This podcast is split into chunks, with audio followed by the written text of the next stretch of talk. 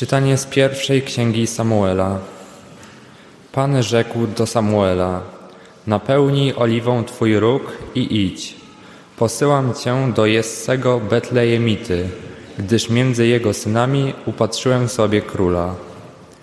Kiedy przybył, spostrzegł Eliaba i powiedział: Z pewnością przed Panem jest jego pomazaniec. Pan jednak rzekł do Samuela: Nie zważaj ani na jego wygląd, ani na wysoki wzrost, gdyż odsunąłem go.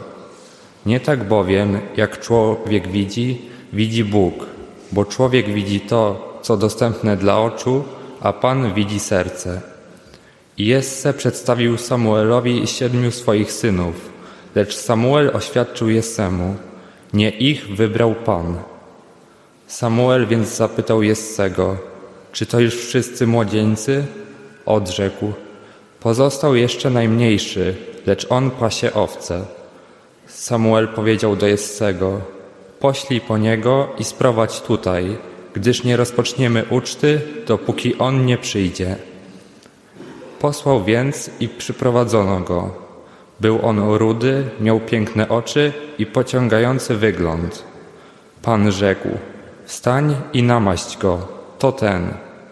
Wziął więc Samuel róg z oliwą i namaścił go pośrodku jego braci. Od tego dnia duch pański opanował Dawida. Tak się złożyło w tym roku, że ta uroczystość e, świętego Józefa została przykryta przez, e, można powiedzieć, przez ważniejszą w porządku liturgicznym e, niedzielę, czwartą niedzielę Wielkiego Postu, bo tych niedziel wielkopostnych i wielkanocnych właściwie nic nie jest w stanie ruszyć. Żadna uroczystość to jest rzeczywiście bardzo ważny dzień w tym kalendarzu liturgicznym. Ale też tak się złożyło, że akurat w tę niedzielę, która byłaby uroczystością świętego Józefa, a liturgicznie jest przeniesiona na, na jutro, dostajemy takie Słowo Boże, które jest, no, myślę, świetną inspiracją e, dla każdego z nas, a szczególnie dla mężczyzn. Szczególnie dla mężczyzn. Dlatego, że dzisiaj liturgia prowadzi nas, e, szczególnie pierwszego czytania, prowadzi nas do, do historii, do postaci, E, Starego Testamentu największego z królów Izraela, pra, pra, pra, pra, pra dziadka Pana Jezusa do historii króla Dawida. Kiedy prorok Samuel, posłany przez Pana Boga, udał się do poprzednika króla Dawida, czyli do króla Saula, do pierwszego króla Izraela, który przeniewierzył się przymierzu, odszedł od przymierza, odszedł od Pana Boga i, i wiadomo już było, że kończy się jego E, królowanie. Wtedy Pan Bóg posyła do niego proroka Samuela i Samuel mówi tak, Twoje panowanie się skończy, a Pan Bóg na Twoje miejsce wybrał człowieka według Bożego serca. Mówił to o Dawidzie. Dawid to jest człowiek według Bożego serca. Co to znaczy to sformułowanie? To znaczy tyle, że przyglądając się sercu Dawida, możemy zajrzeć do serca Boga. Zobaczcie, że to jest dokładnie to, o co my się modlimy, e, kiedy modlimy się litanią do serca Jezusowego. Na końcu mówimy: Uczyń serca nasze według serca Twego. Więc tak się te wszystkie wątki dzisiaj w sobie e, łączą, że myślę, że to nie jest też przypadek, że dostajemy jak akurat tę, tę osobę jako taką kolejną wielką postać tych kolejnych, z tych kolejnych niedzieli Wielkiego Postu. Jakie jest więc to serce Dawida? Jakiego serca potrzebujemy? O jakie serce powinniśmy zabiegać? Słuchamy dzisiaj samego początku historii króla Dawida. Prorok Samuel zostaje, tak jak powiedziałem, posłany do Betlejem, do domu Jessego, e, żeby spośród jego synów namaścić na króla nad Izraela jednego z tych synów. I mamy dzisiaj w pierwszym czytaniu, w lekcjonarzu troszeczkę tą historię zredagowaną, bo tak naprawdę e, nie tylko jeden przychodzi przed proroka, ale wszyscy przechodzą. Jest jakby można parada tych synów, taki targ niewolników w cudzysłowie. Tak? Przychodzi pierwszy, wydawałoby się, że ten najstarszy będzie naj, najwłaściwszym na, e, na króla dla Izraela, ale prorok mówi, to nie ten no to przychodzi następny i następny, następny, następny. Pan Bóg mówi do proroka, ja patrzę inaczej niż patrzy człowiek. Nie zważaj na jego wygląd zewnętrzny, na jego, na jego postawę, na jego e, aparycję. Nie, ja patrzę na jego serce. I kiedy już wszyscy e, synowie przeszli, którzy byli na uczcie razem z prorokiem, no to Samuel mówi, słuchaj, no żaden z nich. Masz jeszcze jakiegoś syna? No jest jeszcze ten najmłodszy, Dawid, ale on pasie owce. I to jest ważny szczegół, że zobaczcie, że Dawid był jako najmłodsze dziecko, był tak nieważny, że nie zaproszono go nawet na ucztę, na którą przyszła tak wielka postać, tak ważna postać dla Izraela, jaką był prorok Samuel. Więc rzeczywiście w oczach swoich rodziców, w oczach swoich braci, Dawid był kimś kompletnie ostatnim, niebranym pod uwagę. I kiedy przychodzi, rudy, o pięknych oczach i pociągającym wyglądzie, tak, tak pisze autor biblijny, czyli po prostu przystojny, no to się okazuje, że to jest ten. Samuel wstaje, wyciąga róg z oliwą i namaszcza go na króla nad Izraelem. I to jest y, pierwsza rzecz, której możemy się z tej sytuacji nauczyć od Dawida, to jest pokornego serca. Serce Dawida jest sercem pokornym. Co rozumie przez to pojęcie? To znaczy, że serce Dawida, Dawid jest człowiekiem i to będzie się przewijało przez całą jego historię, że jest człowiekiem, który potrafi pokornie wykonywać zadania najprostsze. Z pokorą przyjmuje, wykonuje to, co do niego należy. Jest w tym miejscu, w którym go ojciec postawił, e, nie wchodzi w nie swoje buty, tak? nie wchodzi w buty swoich starszych braci, nie pcha się na ucztę, nie, jak ojciec powiedział, że nie musisz być na tej uczcie, to go po prostu na tej uczcie nie ma. Po prostu go nie ma. Nie, nie wchodzi jakby w szczegóły dlaczego, że powinien być. Nie. Ojciec mi kazał paść owce, więc to robię. I to jest y, dzięki temu, że jest posłuszny swojemu ojcu, że jest pokorny w tym przyjmowaniu tego miejsca, w którym jest, potrafi też z pokorą przyjąć werdykt Pana Boga, który mówi: Będziesz królem dla całego Izraela.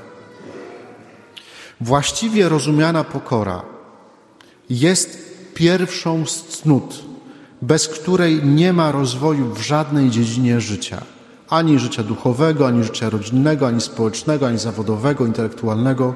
Jak ktoś nie ma pokory, po prostu będzie stał w miejscu albo będzie się kręcił tylko wokół siebie, pełen pretensji do całego świata. Pokora jest pierwszą ze cnót, właściwie rozumiana. Właściwie rozumiana. Łacińskie humilitas, pokora, pochodzi od słowa, które szczególnie wielbiciele ogrodnictwa i działko, działkowicze znają, mianowicie od słowa humus, czyli ziemia. Pokora to była postawa człowieka, który twardo stoi na ziemi, który wie, zna miejsce, zna swoje miejsce, w którym stoi na ziemi, w którym jest. E, to jest e, pokora to jest taka postawa realnego, bardzo realistycznego patrzenia na siebie, na to, kim jestem, zarówno na moje dobre strony, jak i na moje wady.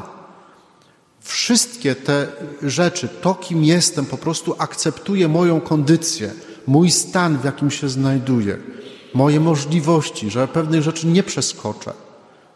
Człowiek pokorny to jest ktoś, kto po prostu cieszy się swoim życiem, tu gdzie jest, tu gdzie Pan Bóg go postawił. I to wszystko, właśnie całą tą swoją moją kondycję, to kim jestem, poddaję Panu Bogu i pozwalam Mu tym wszystkim działać. Nawet jak mi się czasami wydaje, że jestem takim narzędziem z koszyka za 5 złotych, tak, w Kastoramie, to mówię, Pan Bóg nawet takim narzędziem potrafi wielkie rzeczy zdziałać. To jest człowiek pokorny. On, okej, okay, znam swoje ograniczenia, pewnych rzeczy nie, nie przeskoczę, nie przeskoczę samego siebie, ale Pan Bóg potrafi nawet to wykorzystać i zrobić coś dobrego. Wybrany na króla Dawid zostaje, jak słyszeliśmy na końcu tego czytania, opanowany przez Ducha Bożego. Kiedy czytamy dalej historię Dawida, to widzimy, jak ten prosty chłopak dojrzewa, wzrasta, dorasta do tej roli króla. To nie było tak, że Samuel tutaj namaścił go na króla, tu z drugiej kieszeni wyciąga koronę, proszę bardzo, tu siadasz na tronie, już władzasz całym Izraelem. To było dziecko, to był młody chłopak. Jeszcze potrzeba, potrzeba było wiele lat na to, aż Dawid zdobył panowanie y, nad całym Izraelem. Wiele jeszcze się wydarzyło, zanim on rzeczywiście objął panowanie nad całym Izraelem. Ale to, co jest widać przez całą tą jego ścieżkę wzrostu, co jest, zachęcam naprawdę do lektury pierwszej i drugiej księgi Samuela, gdzie ta historia jest opisana, y, to, co widać, to to, że zawsze pozostaje człowiekiem pokornym. To znaczy, zna swoją wartość, ale zna też swoje miejsce. Dalej można powiedzieć, że serce Dawida jest sercem walecznym. Jak czytamy historię y, Dawida, to bycie królem nieodłącznie wiązało się z byciem wojownikiem. Począwszy od potyczki z Goliatem, którą doskonale nawet dzieci e, kojarzą, Dawid wyrasta na wielkiego wojownika w oczach całego ludu. Ale to się nie dzieje też z dnia na dzień. Widzimy go, jak w tej potyczce z Goliatem jest taka niesamowita scena, która też mówi o jego pokorze. Nie? Tak Dawid idzie do króla Saula, u którego służył i mówi, słuchaj, ja Dawida poko ja pokonam Goliata. Ja się z nim zmierzę. No ale przecież to jest największy spośród filistyńskich wojowników. To w ogóle jak ty ten, to ja ci dam moją zbroję, mówi Saul. I zakładają na Dawida, na tego chłopaka, zbroję dorosłego mężczyzny. I Dawid próbuje się w tym poruszać. Nie, nie jestem w stanie się w tym ruszyć. Zdejmijcie to ze mnie. I wychodzi naprzeciwko tego Goliata z procą i z pięcioma kamieniami i z kijem pasterskim. Czyli wychodzi w prawdzie. Nie udaje króla Saula, nie udaje wielkiego wojownika, tylko wychodzi przed Goliata, wydaje się, że to jest w ogóle zwariowany pomysł, wychodzi taki, jaki jest, w tej swojej kondycji, w swoich możliwościach, ale jest odważny. To on widzi, że trzeba po prostu zawalczyć, bo jak nikt nie pokona Goliata, jak nikt nie, nie zabije Goliata, to cały naród zostanie pokonany. Dawid nie wywyższa się. I to też widać, że on, mimo tego, że wie, że jest namaszczony przez Pana Boga na króla, to tutaj nie walczy z Saulem, który jeszcze panuje, którego panowanie się kończy. Szanuje swoich wrogów, przełożonych. Kilkukrotnie mógł zabić e, króla Saula. Kilkukrotnie, ale tego nie robi. Bo choć panowanie Saula się skończyło, chociaż y, sprzeniewierzył się Panu Bogu, Bóg się od niego, można powiedzieć, odwrócił, to jednak został namaszczony na króla, jest pomazańcem Bożym. I Dawid go nie zabija, nie występuje przeciwko niego. Robi to, Dawid robi to, co w danym momencie trzeba zrobić. Ale jest waleczny. Jego odwaga ma dwa źródła. Po pierwsze, właśnie jego pokora daje mu siłę, Pokora to, jest, to nie jest takie chowanie się pod miotłą. Nie. Pokora to jest odwaga stawiania czoła przeciwnościom, pomimo tego, że wiem, jaka, jaka, jaka jest moja kondycja. Ale dlaczego on jest odważny? Bo widzi, że źródło jego siły nie płynie z niego, bo on jest po prostu młodym chłopakiem, tylko że źródło jego siły płynie z tego, że jest w łączności, we więzi z Panem Bogiem. Dlatego występuje przeciwko Goliatowi, bo wie, że Pan Bóg jest z nim, że Pan Bóg idzie z nim. I druga rzecz, drugie źródło tej, tej odwagi to to, że Dawid wie, że walczy nie z kimś, ale o kogoś, o jakieś większe dobro. On walczy o, o wyzwolenie dla swojego narodu. Jakby nie pokonał Filistyna, pewnie by Filistyni zmietli kompletnie całe, całe wojsko izraelskie. To bycie wojownikiem jest tak wpisane w serce Dawida, że kiedy pewnej wiosny, już jako, można powiedzieć, król nad całym Izraelem, e, z ustabilizowaną władzą, e, wszystko tam już było wiadomo, że, że jest wielkim władcą, gdy pewnej wiosny, rozleniwiony, tak ustawiony życiowo, zostaje w domu zamiast wyruszyć na wojnę, to popada w grzech, który staje się przyczyną nieszczęść całego jego rodu, całej jego rodziny, a później całego królestwa. To jest moment, w którym pycha dochodzi do, do głosu e, w sercu Dawida. On myśli: Ja już nie muszę walczyć. Ja już wszystkich wrogów pokonałem. To po co mam wyjeżdżać na, po co mam wyjeżdżać na, na, na, na wojnę? Nie, nie, nie muszę tego robić. Wydawało mu się, że jest tak potężnym królem, tak potężnym władcą. I wtedy właśnie, kiedy leży sobie na tarasie pałacu królewskiego, to widzi kąpiącą się w ogrodzie piękną kobietę. Ona nie kąpała się w ubraniu. On się w niej zakochał. Sprowadza ją do siebie, Patrzebę, żonę Uriasza Hetyto, ona już była zamężna, dochodzi do, do poczęcia dziecka. Ten, ten grzech, to cudzołóstwo prowadzi, jakby za tym grzechem idzie jeden za drugim grzechem, który doprowadza ostatecznie do upadku całego królestwa, słuchajcie. Wszystko zaczyna się w tym momencie, bo jest człowiekiem takim jak my. To jest historia, który, w której każdy z nas może się w jakiś sposób odnaleźć, że jesteśmy grzesznikami.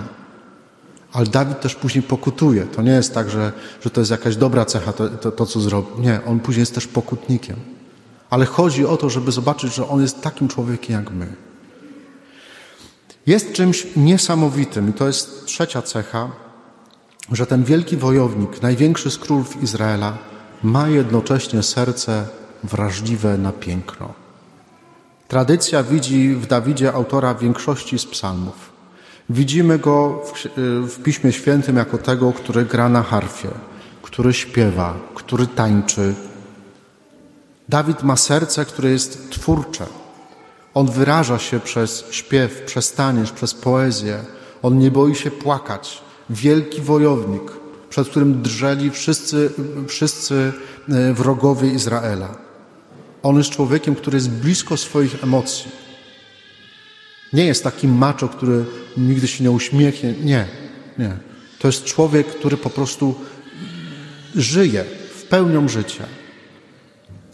I kiedy mówię o tym, że serce Dawida jest wrażliwe na piękno, to nie chodzi mi o to, żeby teraz wszyscy nagle y, zaczęli pisać wiersze. Nie? No oczywiście, no jeżeli są takie wiersze i ktoś by chciał się tym podzielić, to w gazetce zrobimy taką rubryczkę z wierszami parafian. Nie ma problemu. Ale nie każdy ma takie serce po prostu. Nie każdemu Pan Bóg daje ten talent, żeby pisać wiersze, tak? Więc nie o to chodzi, jak, jak zwracam uwagę na tą cechę Dawida. Chodzi o pewną wrażliwość na obiektywne piękno, której potrzebuje nasze serce, a której dzisiaj brutalnie, brutalny sposób zostaliśmy pozbawieni przez świat, w którym żyjemy, przez kulturę, w której żyjemy. Bo piękno to nie jest to, co mi się podoba. To jest tylko odblask piękna. Piękno to jest rzeczywistość obiektywna, nie subiektywna. Piękno, jak ktoś dzisiaj rano, nie wiem, jak macie okna z sypialni, ja mam na wschód, więc jak rano się obudziłem i zacząłem ten wschód słońca, mówię, to jest po prostu piękne. Samo w sobie. Jak wejdę na wysoki szczyt, czy usiądę wieczorem nad, nad brzegiem morza i zobaczę zachód słońca albo wschód tego słońca, e, albo zobaczę niesamowitą panoramę w górach, to to jest po prostu piękne. Jak pójdę do filharmonii i będzie przepiękny koncert, to on jest obiektywnie piękny. Ja mogę nie rozumieć go do końca. Może to być dla mnie trudne doświadczenie, ale on jest piękny. Więc piękno jest czymś, e, ta wrażliwość na, na piękno, to jest to, co Pan Bóg w nas złożył, a co niestety nasza kultura w brutalny sposób nam zabiera. Z premedytacją jesteśmy dzisiaj odzierani z pewnego rodzaju ładu, porządku, z pięknego słowa, z pięknej muzyki, z pięknego obrazu, z piękna w znaczeniu estetycznym na różnych poziomach. Zobaczcie, ile jest wulgaryzmów w przestrzeni publicznej, ile jest brzydoty po prostu. I to się nazywa normalnością. To jest nieprawda. Mam wrażenie, że jest w tej brzydocie, w tym chaosie, jest coś demonicznego. I to nie chodzi o demonizowanie rzeczywistości, tylko żeby zobaczyć, że diabeł podpisuje się brzydotą w naszym życiu. Co możemy zrobić? Możemy bardzo świadomie, i to może być zadanie na drugą połowę Wielkiego Postu, możemy bardzo świadomie odcinać się od tego, co jest brzydkie i wulgarne. To wszystko niszczy, niszczy naszą wrażliwość na piękno. Możemy do siebie mówić pięknie, możemy nie przeklinać, nie używać wulgaryzmów, Gwarantuję wam, że nikt nie zauważy tego, że nie przeklinasz w co drugim wyrazie. Gwarantuję. A będziesz słowem budował drugiego człowieka. Możemy każdego dnia mogę przeczytać dosłownie kilka stron jakiejś dobrej, wartościowej książki. Wybierając stację radiową albo muzykę, którą słucham na Spotify'u czy gdziekolwiek, mogę szukać takiej, która nie tylko będzie zbitkiem bitów i sampli, ale która będzie mówić o czymś więcej niż majteczki w kropeczki we wszystkich możliwych językach. I specjalnie nawiązuję tutaj do, do disco polo, dlatego że sześć lat grałem na weselach. Dzień dobry. Ale to poszło, słuchajcie, tak daleko, to było 20 lat temu. Jak niedawno byłem na jednym czy drugim weselu, to po prostu jest wulgarne. Te teksty są po prostu wulgarne, ohydne. A w języku angielskim czy w innych językach nie jest inaczej. Różnica jest tylko taka, że tego nie rozumiemy. To jest po prostu brzydota na każdym kroku. Możemy się od tego odciąć. Mogę także, i to jest y, jeszcze jeden sposób na to, w jaki sposób pielęgnować moją wrażliwość na piękno, mogę się włączyć w śpiew na liturgii. Mogę wziąć drogę do nieba, otworzyć ją, po prostu śpiewać. Problemem nie jest to, czy potrafię albo nie potrafię śpiewać. Problemem jest to, czy moje serce chce śpiewać. Możemy tutaj kupić największy z rzutników, jaki będzie w Opolu. Ale jak moje serce nie będzie chciało śpiewać, to to jest wszystko na nic. Naprawdę. I zastanówcie, zobaczcie, y, pomyślcie o sobie, tak? Czy moje serce, jak przychodzi na mszę świętą w niedzielę, przywalone tymi wszystkimi troskami, czy moje serce chce śpiewać? Jestem przekonany, że dla wielu to jest bardzo trudne. Ale mam też takie doświadczenie, że jeżeli dam się, włączę się w ten śpiew, w to piękno, które tworzymy jako wspólnota na liturgii, to to piękno nas pociągnie. Wyciągnie nas też z tego, z tej, na, choćby na chwilę z tej codzienności. Serce Dawida jest jak serce Boga. Pokorne i waleczne ale także wrażliwe i tworzące piękno. Kiedy prosimy, Jezu, cichy serca pokornego, uczyń nasze serca według serca Twego, to prosimy także o takie serce, pokorne, waleczne, wrażliwe na piękno. O takie serce warto zatroszczyć się w Wielkim Poście. Nie tylko o tym pomyśleć, tylko warto rzeczywiście to zrobić. Zróbcie to, zróbmy to. Potrzebujemy takiego serca. Amen.